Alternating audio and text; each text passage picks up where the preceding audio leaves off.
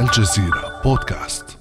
ارتكزت هذه الحلقة إلى البحث في المراجع والمصادر الموثوق بها وكتبت بضمير المتكلم لمقتضيات العمل الدرامي!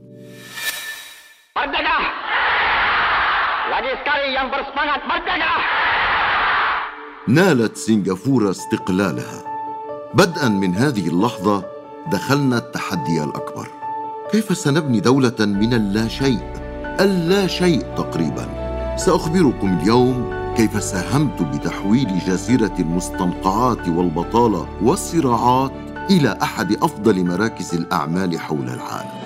سأخبركم كيف حاولت جعلها بلدا نظيفا نظيفا في السياسة والإدارة كما البيئة أنا لي كوان يو. تستمعون إلى حكايتي في بودكاست رموز من الجزيرة بودكاست. أقدمها لكم أنا جان ويحدثكم لي كوان يو بصوتي وترافقني في هذه الحلقة زينب.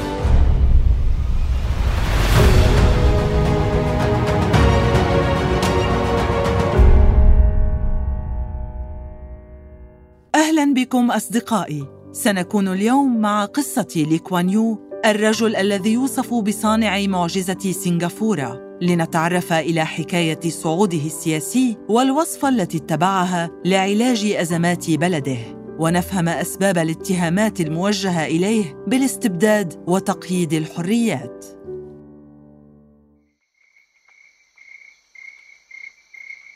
لا لا يا أبي أرجوك سامحني. أنت تؤلمني كثيرا. تكاد أذني تنقطع وأسقط في البئر. أقسم لك أنني لم أقصد كسر الجرة. أعدك أنني لن أعبث بمجموعة جرارك الثمينة بعد اليوم.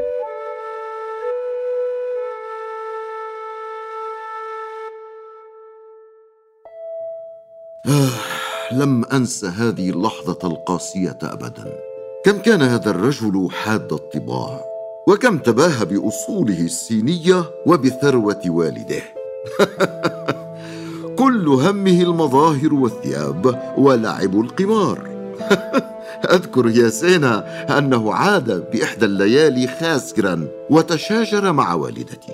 كان يريد رهن مجوهراتها هدية عرسها لمغامرة جديدة. آه ما أسوأ حصول المرء على مال لم يتعب بجنيه. جدي جدي هو من جمع تلك الثروة.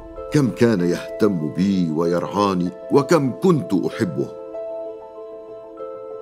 ولدت عام 1923 ونشأت في منزل فسيح لم يتوافر لمعظم الأطفال الآخرين لكن ألعابنا كانت بسيطة.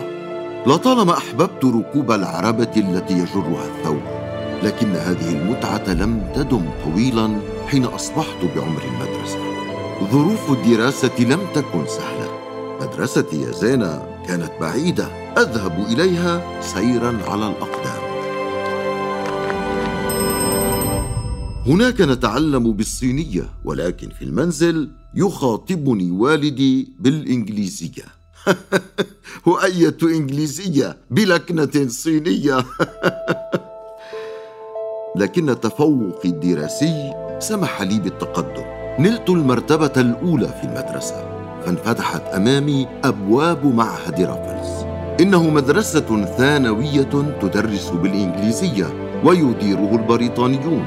لم يكن يستقبل إلا المتفوقين ومنه تخرجت نخبة تخصصوا في جامعات بريطانيا. أتعرفين يا زينة؟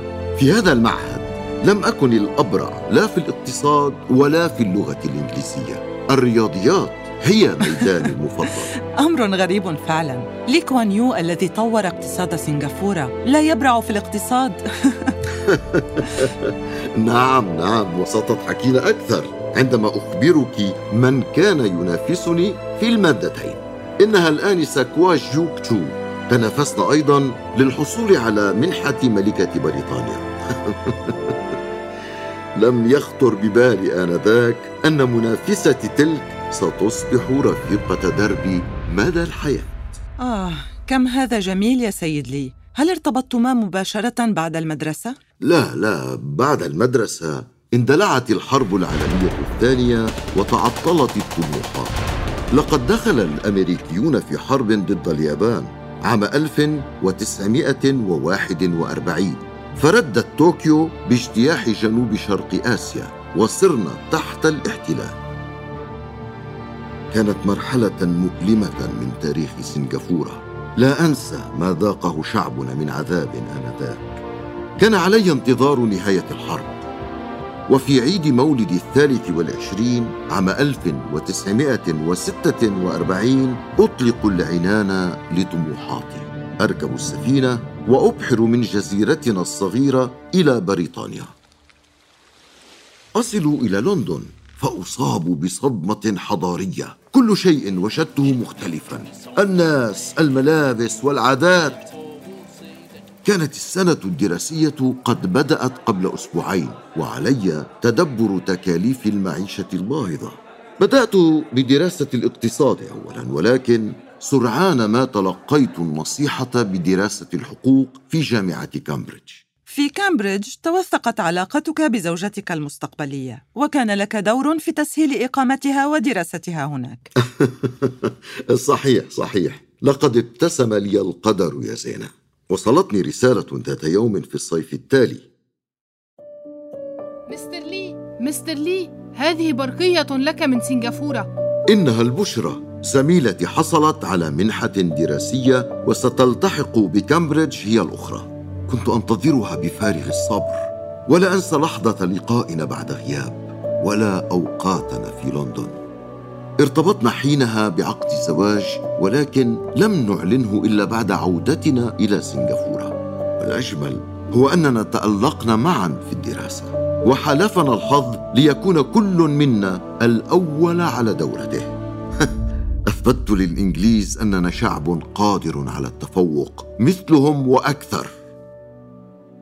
ساءني يا زينة أن بعضهم كان يتعالى علينا وأن حكومتهم تستعمر بلدنا. هناك في لندن نمت في داخلي نزعة التحرر من الاستعمار وقررت الانطلاق نحو هذا الهدف فور عودتي إلى سنغافورة. كان الإنجليز قد أقروا إجراء انتخابات عامة في سنغافورة عام 1955 وبدأوا يتجهون إلى منحكم حكما ذاتيا في انتخابات عام 1959 أليس كذلك؟ هذا صحيح. بدأ الإنجليز يقلصون نفوذهم بعد انتهاء الحرب العالمية الثانية. لكن طموحي كان التخلص من نفوذهم نهائيا. أعترف لك يا زينة أنني معجب بحزب العمال. عندهم كان أكثر تفهما لاستقلال المستعمرات من حزب المحافظين وأعجبني سعيه إلى توسيع شبكة الأمان الاجتماعي في بريطانيا ببناء منازل جماعية يستأجرها الفقراء ببدل زهيد. ومنه تعلمت دروسا في تطبيق بعض سياسات العدالة الاجتماعية. فور عودتي إلى الوطن حملت لواء الدفاع عن عمالنا وقضاياهم ومنذ تلك اللحظة بدأت مساري الفعلي في السياسة كانت سنغافورة متعطشة لعمل سياسي حقيقي فالأحزاب القائمة كانت بعيدة عن قضايا المجتمع وكان السخط الشعبي يتزايد تصوري أن قادة الحزب الرئيسي المسمى تقدميا معجبون ببريطانيا إلى حد استحالة التفكير بالخروج عن سيطرتها. كان الشيوعيون وحدهم ينشطون في سنغافورة والعديد من الاتحادات العمالية تحظى بدعمهم. وبسبب دعم الصين لهم بدأوا يستميلون النخب المتحدرة من أصول إسلامية لكن البلد كان تحت أحكام الطوارئ بسبب تحركهم ضد السلطة عام 1948 في البداية خضت مع الشيوعيين مواجهات ضد السلطة. وترافعت دفاعا عن معتقليهم. لكن سرعان ما سورتني الشكوك حول أهدافهم وقررت فك ارتباطي بهم وتأسيس مساري السياسي المستقل. وقبيل انتخابات عام 1955 دقت ساعة الحسم. قررت المشاركة بتأسيس حزب يخوض المعركة ومع بعض النقابيين أنشأنا حزب العمل الشعبي. الدفاع عن العمال ومحاربة الفساد شعاران استقطبن بهما الشارع. طبعا لم نطمح يوم ذاك إلى اكتساح المقاعد في مهلة التحضير الضيقة.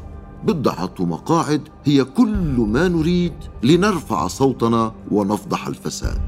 وهذا ما حصل. أحرزنا ثلاثة مقاعد لكن الجبهة العمالية عموما حظيت بالغالبية. وكانت المفاجأة هزيمة الحزب التقدمي. ولكن عليك الاعتراف يا سيد لي. لقد خدعت الشيوعيين. استعنت بهم مؤقتا وتخليت عنهم عندما حققت أهدافك ووصلت إلى السلطة. في بداية عملي السياسي واجهنا السلطات معا ودافعنا عن العمال والفقراء. لكنني سرعان ما اكتشفت أن هدفهم الحقيقي هو السيطرة على السلطة في سنغافورة ومالايا كنت مقتنعا بأن لا مناص من المواجهة بيننا وبين الشيوعيين ذات يوم. قد تتأخر عاما أو اثنين أو ثلاثة لكنها ستقع في النهاية. تفاهمنا على مضض وخضنا الانتخابات معا. ولكن كانت تلك حقنة مخدرة زال مفعولها بعد الانتخابات. وما إن انتصر حزبنا ووصلت إلى السلطة حتى حدث ما كنت أخشاه فوقع بيننا الطلاق. قصة وصولكم إلى السلطة مثيرة فعلا. ففي سنوات قليلة حققتم صعودا سياسيا سريعا واكتسحتم غالبية المقاعد في البرلمان رغم أن حملاتكم الانتخابية كانت بتمويل متواضع. كيف تفسر ذلك؟ أدركنا نقاط الضعف لدى الخصوم ونضلنا بقوة لتحقيق الأهداف. تجاوبنا مع طموحات الناس في سنغافورة وراهنا على العمال والمهمشين فانجذبوا إلينا. وانكشفت أمامهم عورة الأحزاب التقليدية. كان حزبنا يكتسح الجماهير كموج البحر. وعشية الانتخابات بلغت ثقتنا بأنفسنا حدا عاليا جدا. تقدمنا بعدد من المرشحين يفوق العدد الذي تقدمت به الأحزاب الأخرى جميعا. وعشية الانتخابات انتشر خبر أضعف أحد المنافسين حول تقاضي تحالف شعب سنغافورة اموالا من الأمريكيين. استطعنا استثمار هذا في الانتخابات. كل هذا وحملاتنا الانتخابية من دون تمويل يذكر. فكيف للأغنياء أن يدعمونا ونحن حزب العمال والفقراء؟ تصوري كنا نستأجر الشاحنات المكشوفة ونستخدمها منصات للخطابة وكنا نجري لقاءاتنا الشعبية في أماكن تخنقها روائح الصرف الصحي وروث الماشية وتغزوها الفئران. رغم ذلك كتب لنا الانتصار. كان يوم الثلاثين من مايو أيار عام 1959 مفصليا في حياتي وتاريخ سنغافورة. قال الشعب كلمته حصلنا على 43 مقعدا من أصل 51 صرت رئيسا للوزراء وأنا بعد لم أبلغ سن السادسة والثلاثين. لا أحد يحسدك على هذا الانتصار يا سيد لي فالطموحات كبيرة لكن الطريق بدت صعبة والإمكانات ضعيفة. ألم تقل بنفسك؟ انتصرنا لكنني لم أكن فرحا؟ آه نعم. عند تسلم السلطة أحسست بأعباء الأزمات من البطالة وضياع الاستثمارات إلى ممارسات الشيوعيين في المدارس والاتحادات والنقابات وقبل كل شيء الفساد الفساد أساس كل الأزمات لكنني صممت على المواجهة. خرجت مع أعضاء فريق الوزاري بخطوة رمزية مرتدين الملابس البيضاء لنعاهد شعبنا بمحاربة الفساد. ثم بعد بضعة أشهر واجهت التحدي الأول. كان على البريطانيين ترجمة اعترافهم بحقنا في الحكم الذاتي عبر سحب آخر حكامهم على سنغافورة. وكان علينا تعيين حاكم خاص بنا. اخترنا يوسف بن إسحاق. تعمدنا أن يكون الحاكم من أصول ملايوية. لنثبت أننا نقبل بملايوي رئيسا على سنغافورة إذا قام اتحاد بيننا وبين ملايا. توافقنا على علم سنغافورة ونشيدها الوطني في المرحلة الأولى لم تحقق خططنا الاقتصادية تقدما مهما فاقترحنا إقامة سوق مشتركة محدودة مع الملايويين لكن الفكرة لم تنجح واتسع صدامنا مع الشيوعيين في تلك الفترة كان تونكو عبد الرحمن رئيس وزراء اتحاد ملايا لا يرغب في الاتحاد معنا. ذريعته أن تأثير الصين سيجعل من الشيوعيين عنصر توتر دائم. ولكن بدءا من أكتوبر تشرين الأول عام 1960 تبدل موقفه. توقع نيل سنغافورة استقلالها خلال بضع سنوات وخشي من إقامتها علاقات مع دول شيوعية ليصبح الشيوعيون على أبواب ملايا وهذا حافز للاتحاد. هكذا برعاية بريطانيا وقعنا مع ملايا على اتفاقية اندماج تحفظ لسنغافورة الكثير من شخصيتها واستقلالها الذاتي في شؤون التربية والعمل. وفي الأول من سبتمبر أيلول عام 1962 أجرينا استفتاء لتحديد نوع الاندماج. رغم رفض الشيوعيين ذلك ونشأ بعد عام اتحاد ماليزيا ولكن اعذرني يا سيد لي. أثبتت الأحداث أنكم على خطأ لا شيوعيون. فالاتحاد مع ماليزيا لم يعش طويلا. للأسف طوال هذه الفترة حاولت ضمان المساواة بين جميع الأعراق. ولكن عبثا التركيبة السكانية كانت أمرا بالغ الحساسية للكثيرين. عليك أن تعلم يا زينة أن نحو 39% كانوا من الملايويين و42% من ذوي الأصول الصينية والباقون من أصول أخرى متفرقة اتسعت الهوة بيننا يوما بعد يوم وتفاقمت الخلافات شعر بعض القيادات الماليزية أن الغالبية الصينية المهيمنة على سنغافورة قد تمثل تهديدا لثقافة البلاد. وقعت التوترات العرقية وأعمال الشغب. باءت محاولاتنا في استمرار التجربة الاتحادية بالفشل. وفي التاسع من أغسطس آب عام 1965 أعلن البرلمان الماليزي الانفصال والتخلي عن سنغافورة. cease to be a state of Malaysia and shall become an independent and sovereign state and nation, separate from and independent of Malaysia and recognized as such by the government of Malaysia. ها أنا أتلو إعلان الانفصال. انفصلت سنغافورة عن ماليزيا بعد عامين من تجربة الاتحاد. لم أعرف حقيقة مشاعري. هل أفرح بالاستقلال أو أحزن على الانفصال؟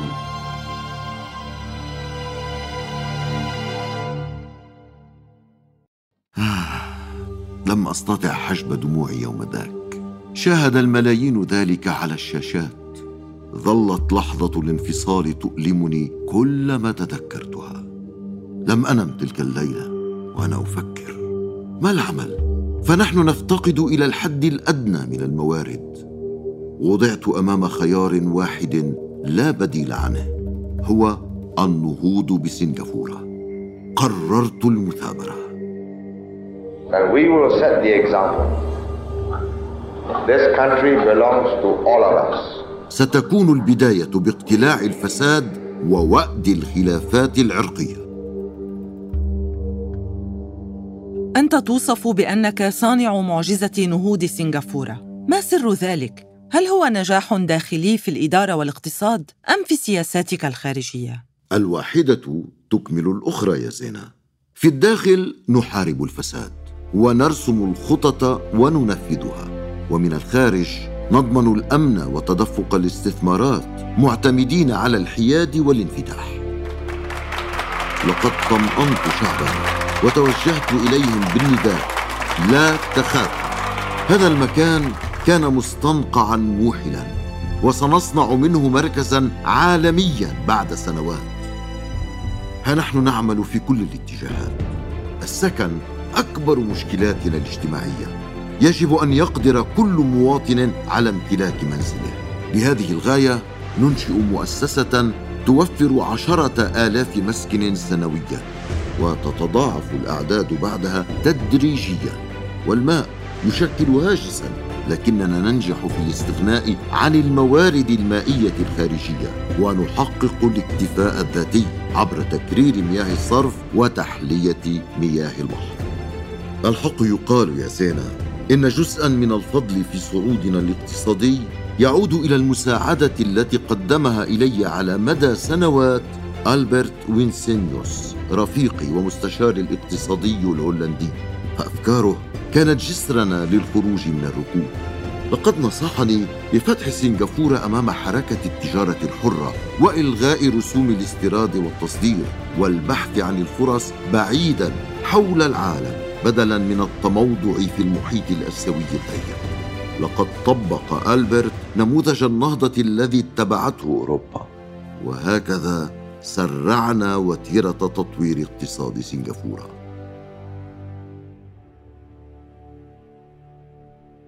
المفارقة يا سيد لي أنك بقيت تعتمد على بريطانيا سياسياً وعسكرياً واقتصادياً رغم كل جهودك للتخلص من الاستعمار. صحيح. كان البريطانيون الأكثر استعداداً لحمايتنا رغم كل شيء، ولذلك سارعت إلى إشراك سنغافورة في رابطة الشعوب البريطانية الكومنولث. وعندما غادرنا البريطانيون نهائيا عام 1971 وجدنا أنفسنا في فراغ عسكري خطير. فقد كان جيشنا يتكون من كتيبتين فقط. ولم تنجح محاولتنا للتعويض بتطبيق الخدمة الإلزامية. تصور يا زينة كانت تكنتهم الكبرى توظف خمسين ألف مدني عوائدهم المادية توازي خمس دخلنا القومي. كيف سنعوض هذه الخسارة؟ طلبت منهم المساعدة فحصلنا على قرض ميسر لنواجه به الصدمة. ثم دخلنا معهم في ترتيبات دفاعية بمشاركة أستراليا ونيوزيلندا ودول أخرى. ماذا عن مشاركة جيش الاحتلال الإسرائيلي في تطوير وتدريب جيشكم؟ نعم هذا صحيح. بدأ التعاون نهاية عام 1965 استقدمنا مستشارين عسكريين إسرائيليين لمساعدتنا في بناء الجيش وتدريبه. أدركت حساسية هذا الأمر بالنسبة إلى جيراننا في ماليزيا وإندونيسيا. لذلك أبقيناه طي الكتمان.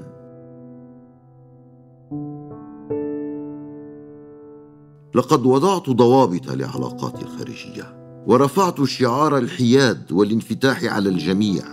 في موازاة علاقات مميزة مع البريطانيين أقمت شبكة من الأصدقاء بين القوى الكبرى وبنيت تحالفات أخرى صغيرة وجبت العالم بحثا عن الدعم والاستثمارات رافعا شعار عش واترك سواك يعيش ولنكن أصدقاء.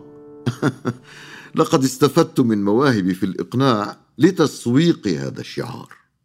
هذا الانفتاح ليس مسألة سهلة يا زينه كنت أكره العمل مع اليابانيين بسبب احتلالهم السابق لنا لكنني لم اخفي إعجابي بنهوض اليابان الاقتصادي. رأيت كيف نجحوا في إخراج بلادهم من الأزمة والتحول إلى عملاق اقتصادي.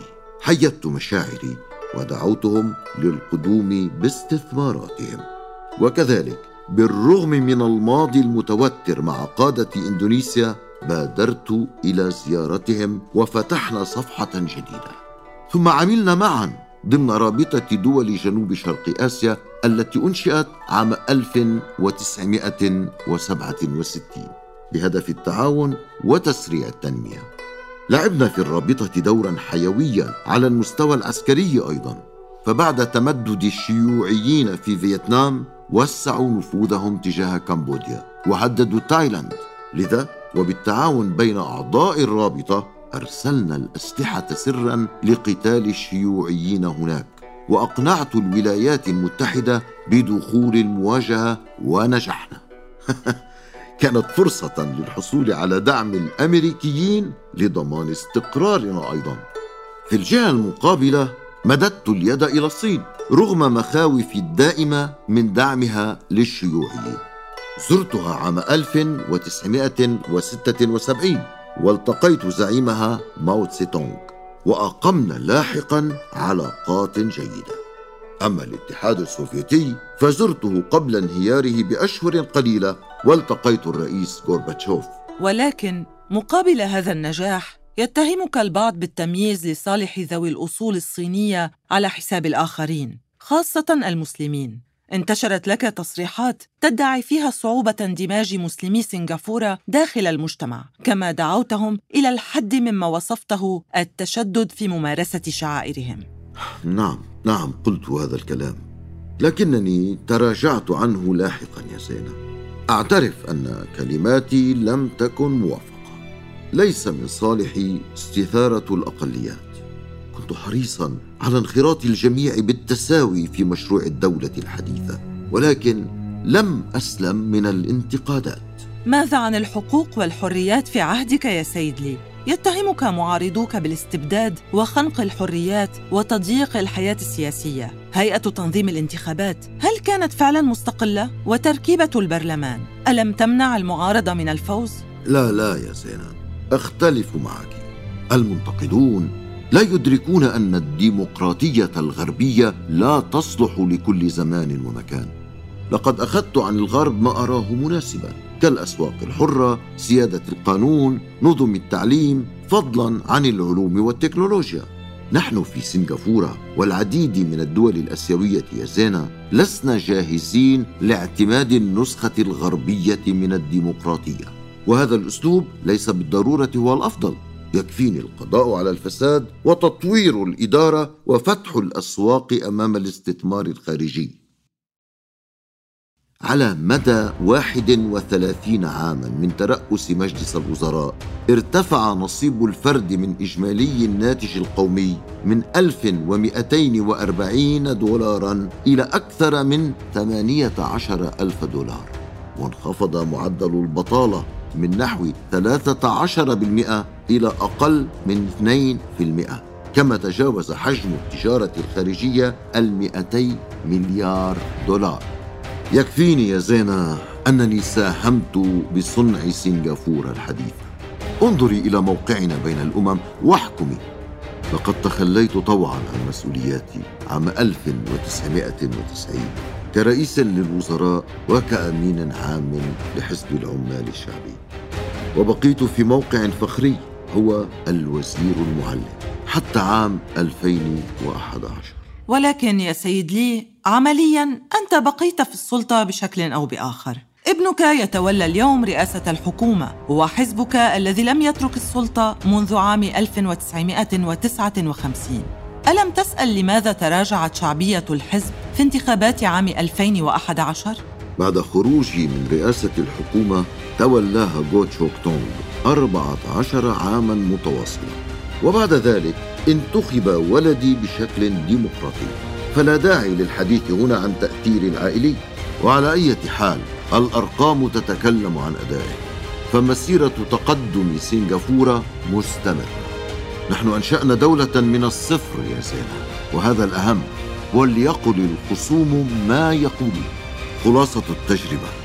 أنت تبدأ رحلتك جاهلا أين ستأخذك ربما تمتلك خطة حلما ولكن بين حين وآخر تسلك طرقا مجهولة وتواجه جبالا وعرة وتعبر انهارا صعبة وتوقفك الانزلاقات والسلاسل آه هكذا كانت حياتي.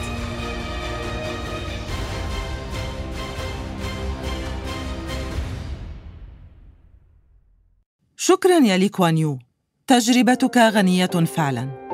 في الثالث والعشرين من مارس آذار عام 2015 غادرتنا بعد بلوغك 91 عاماً من العمر.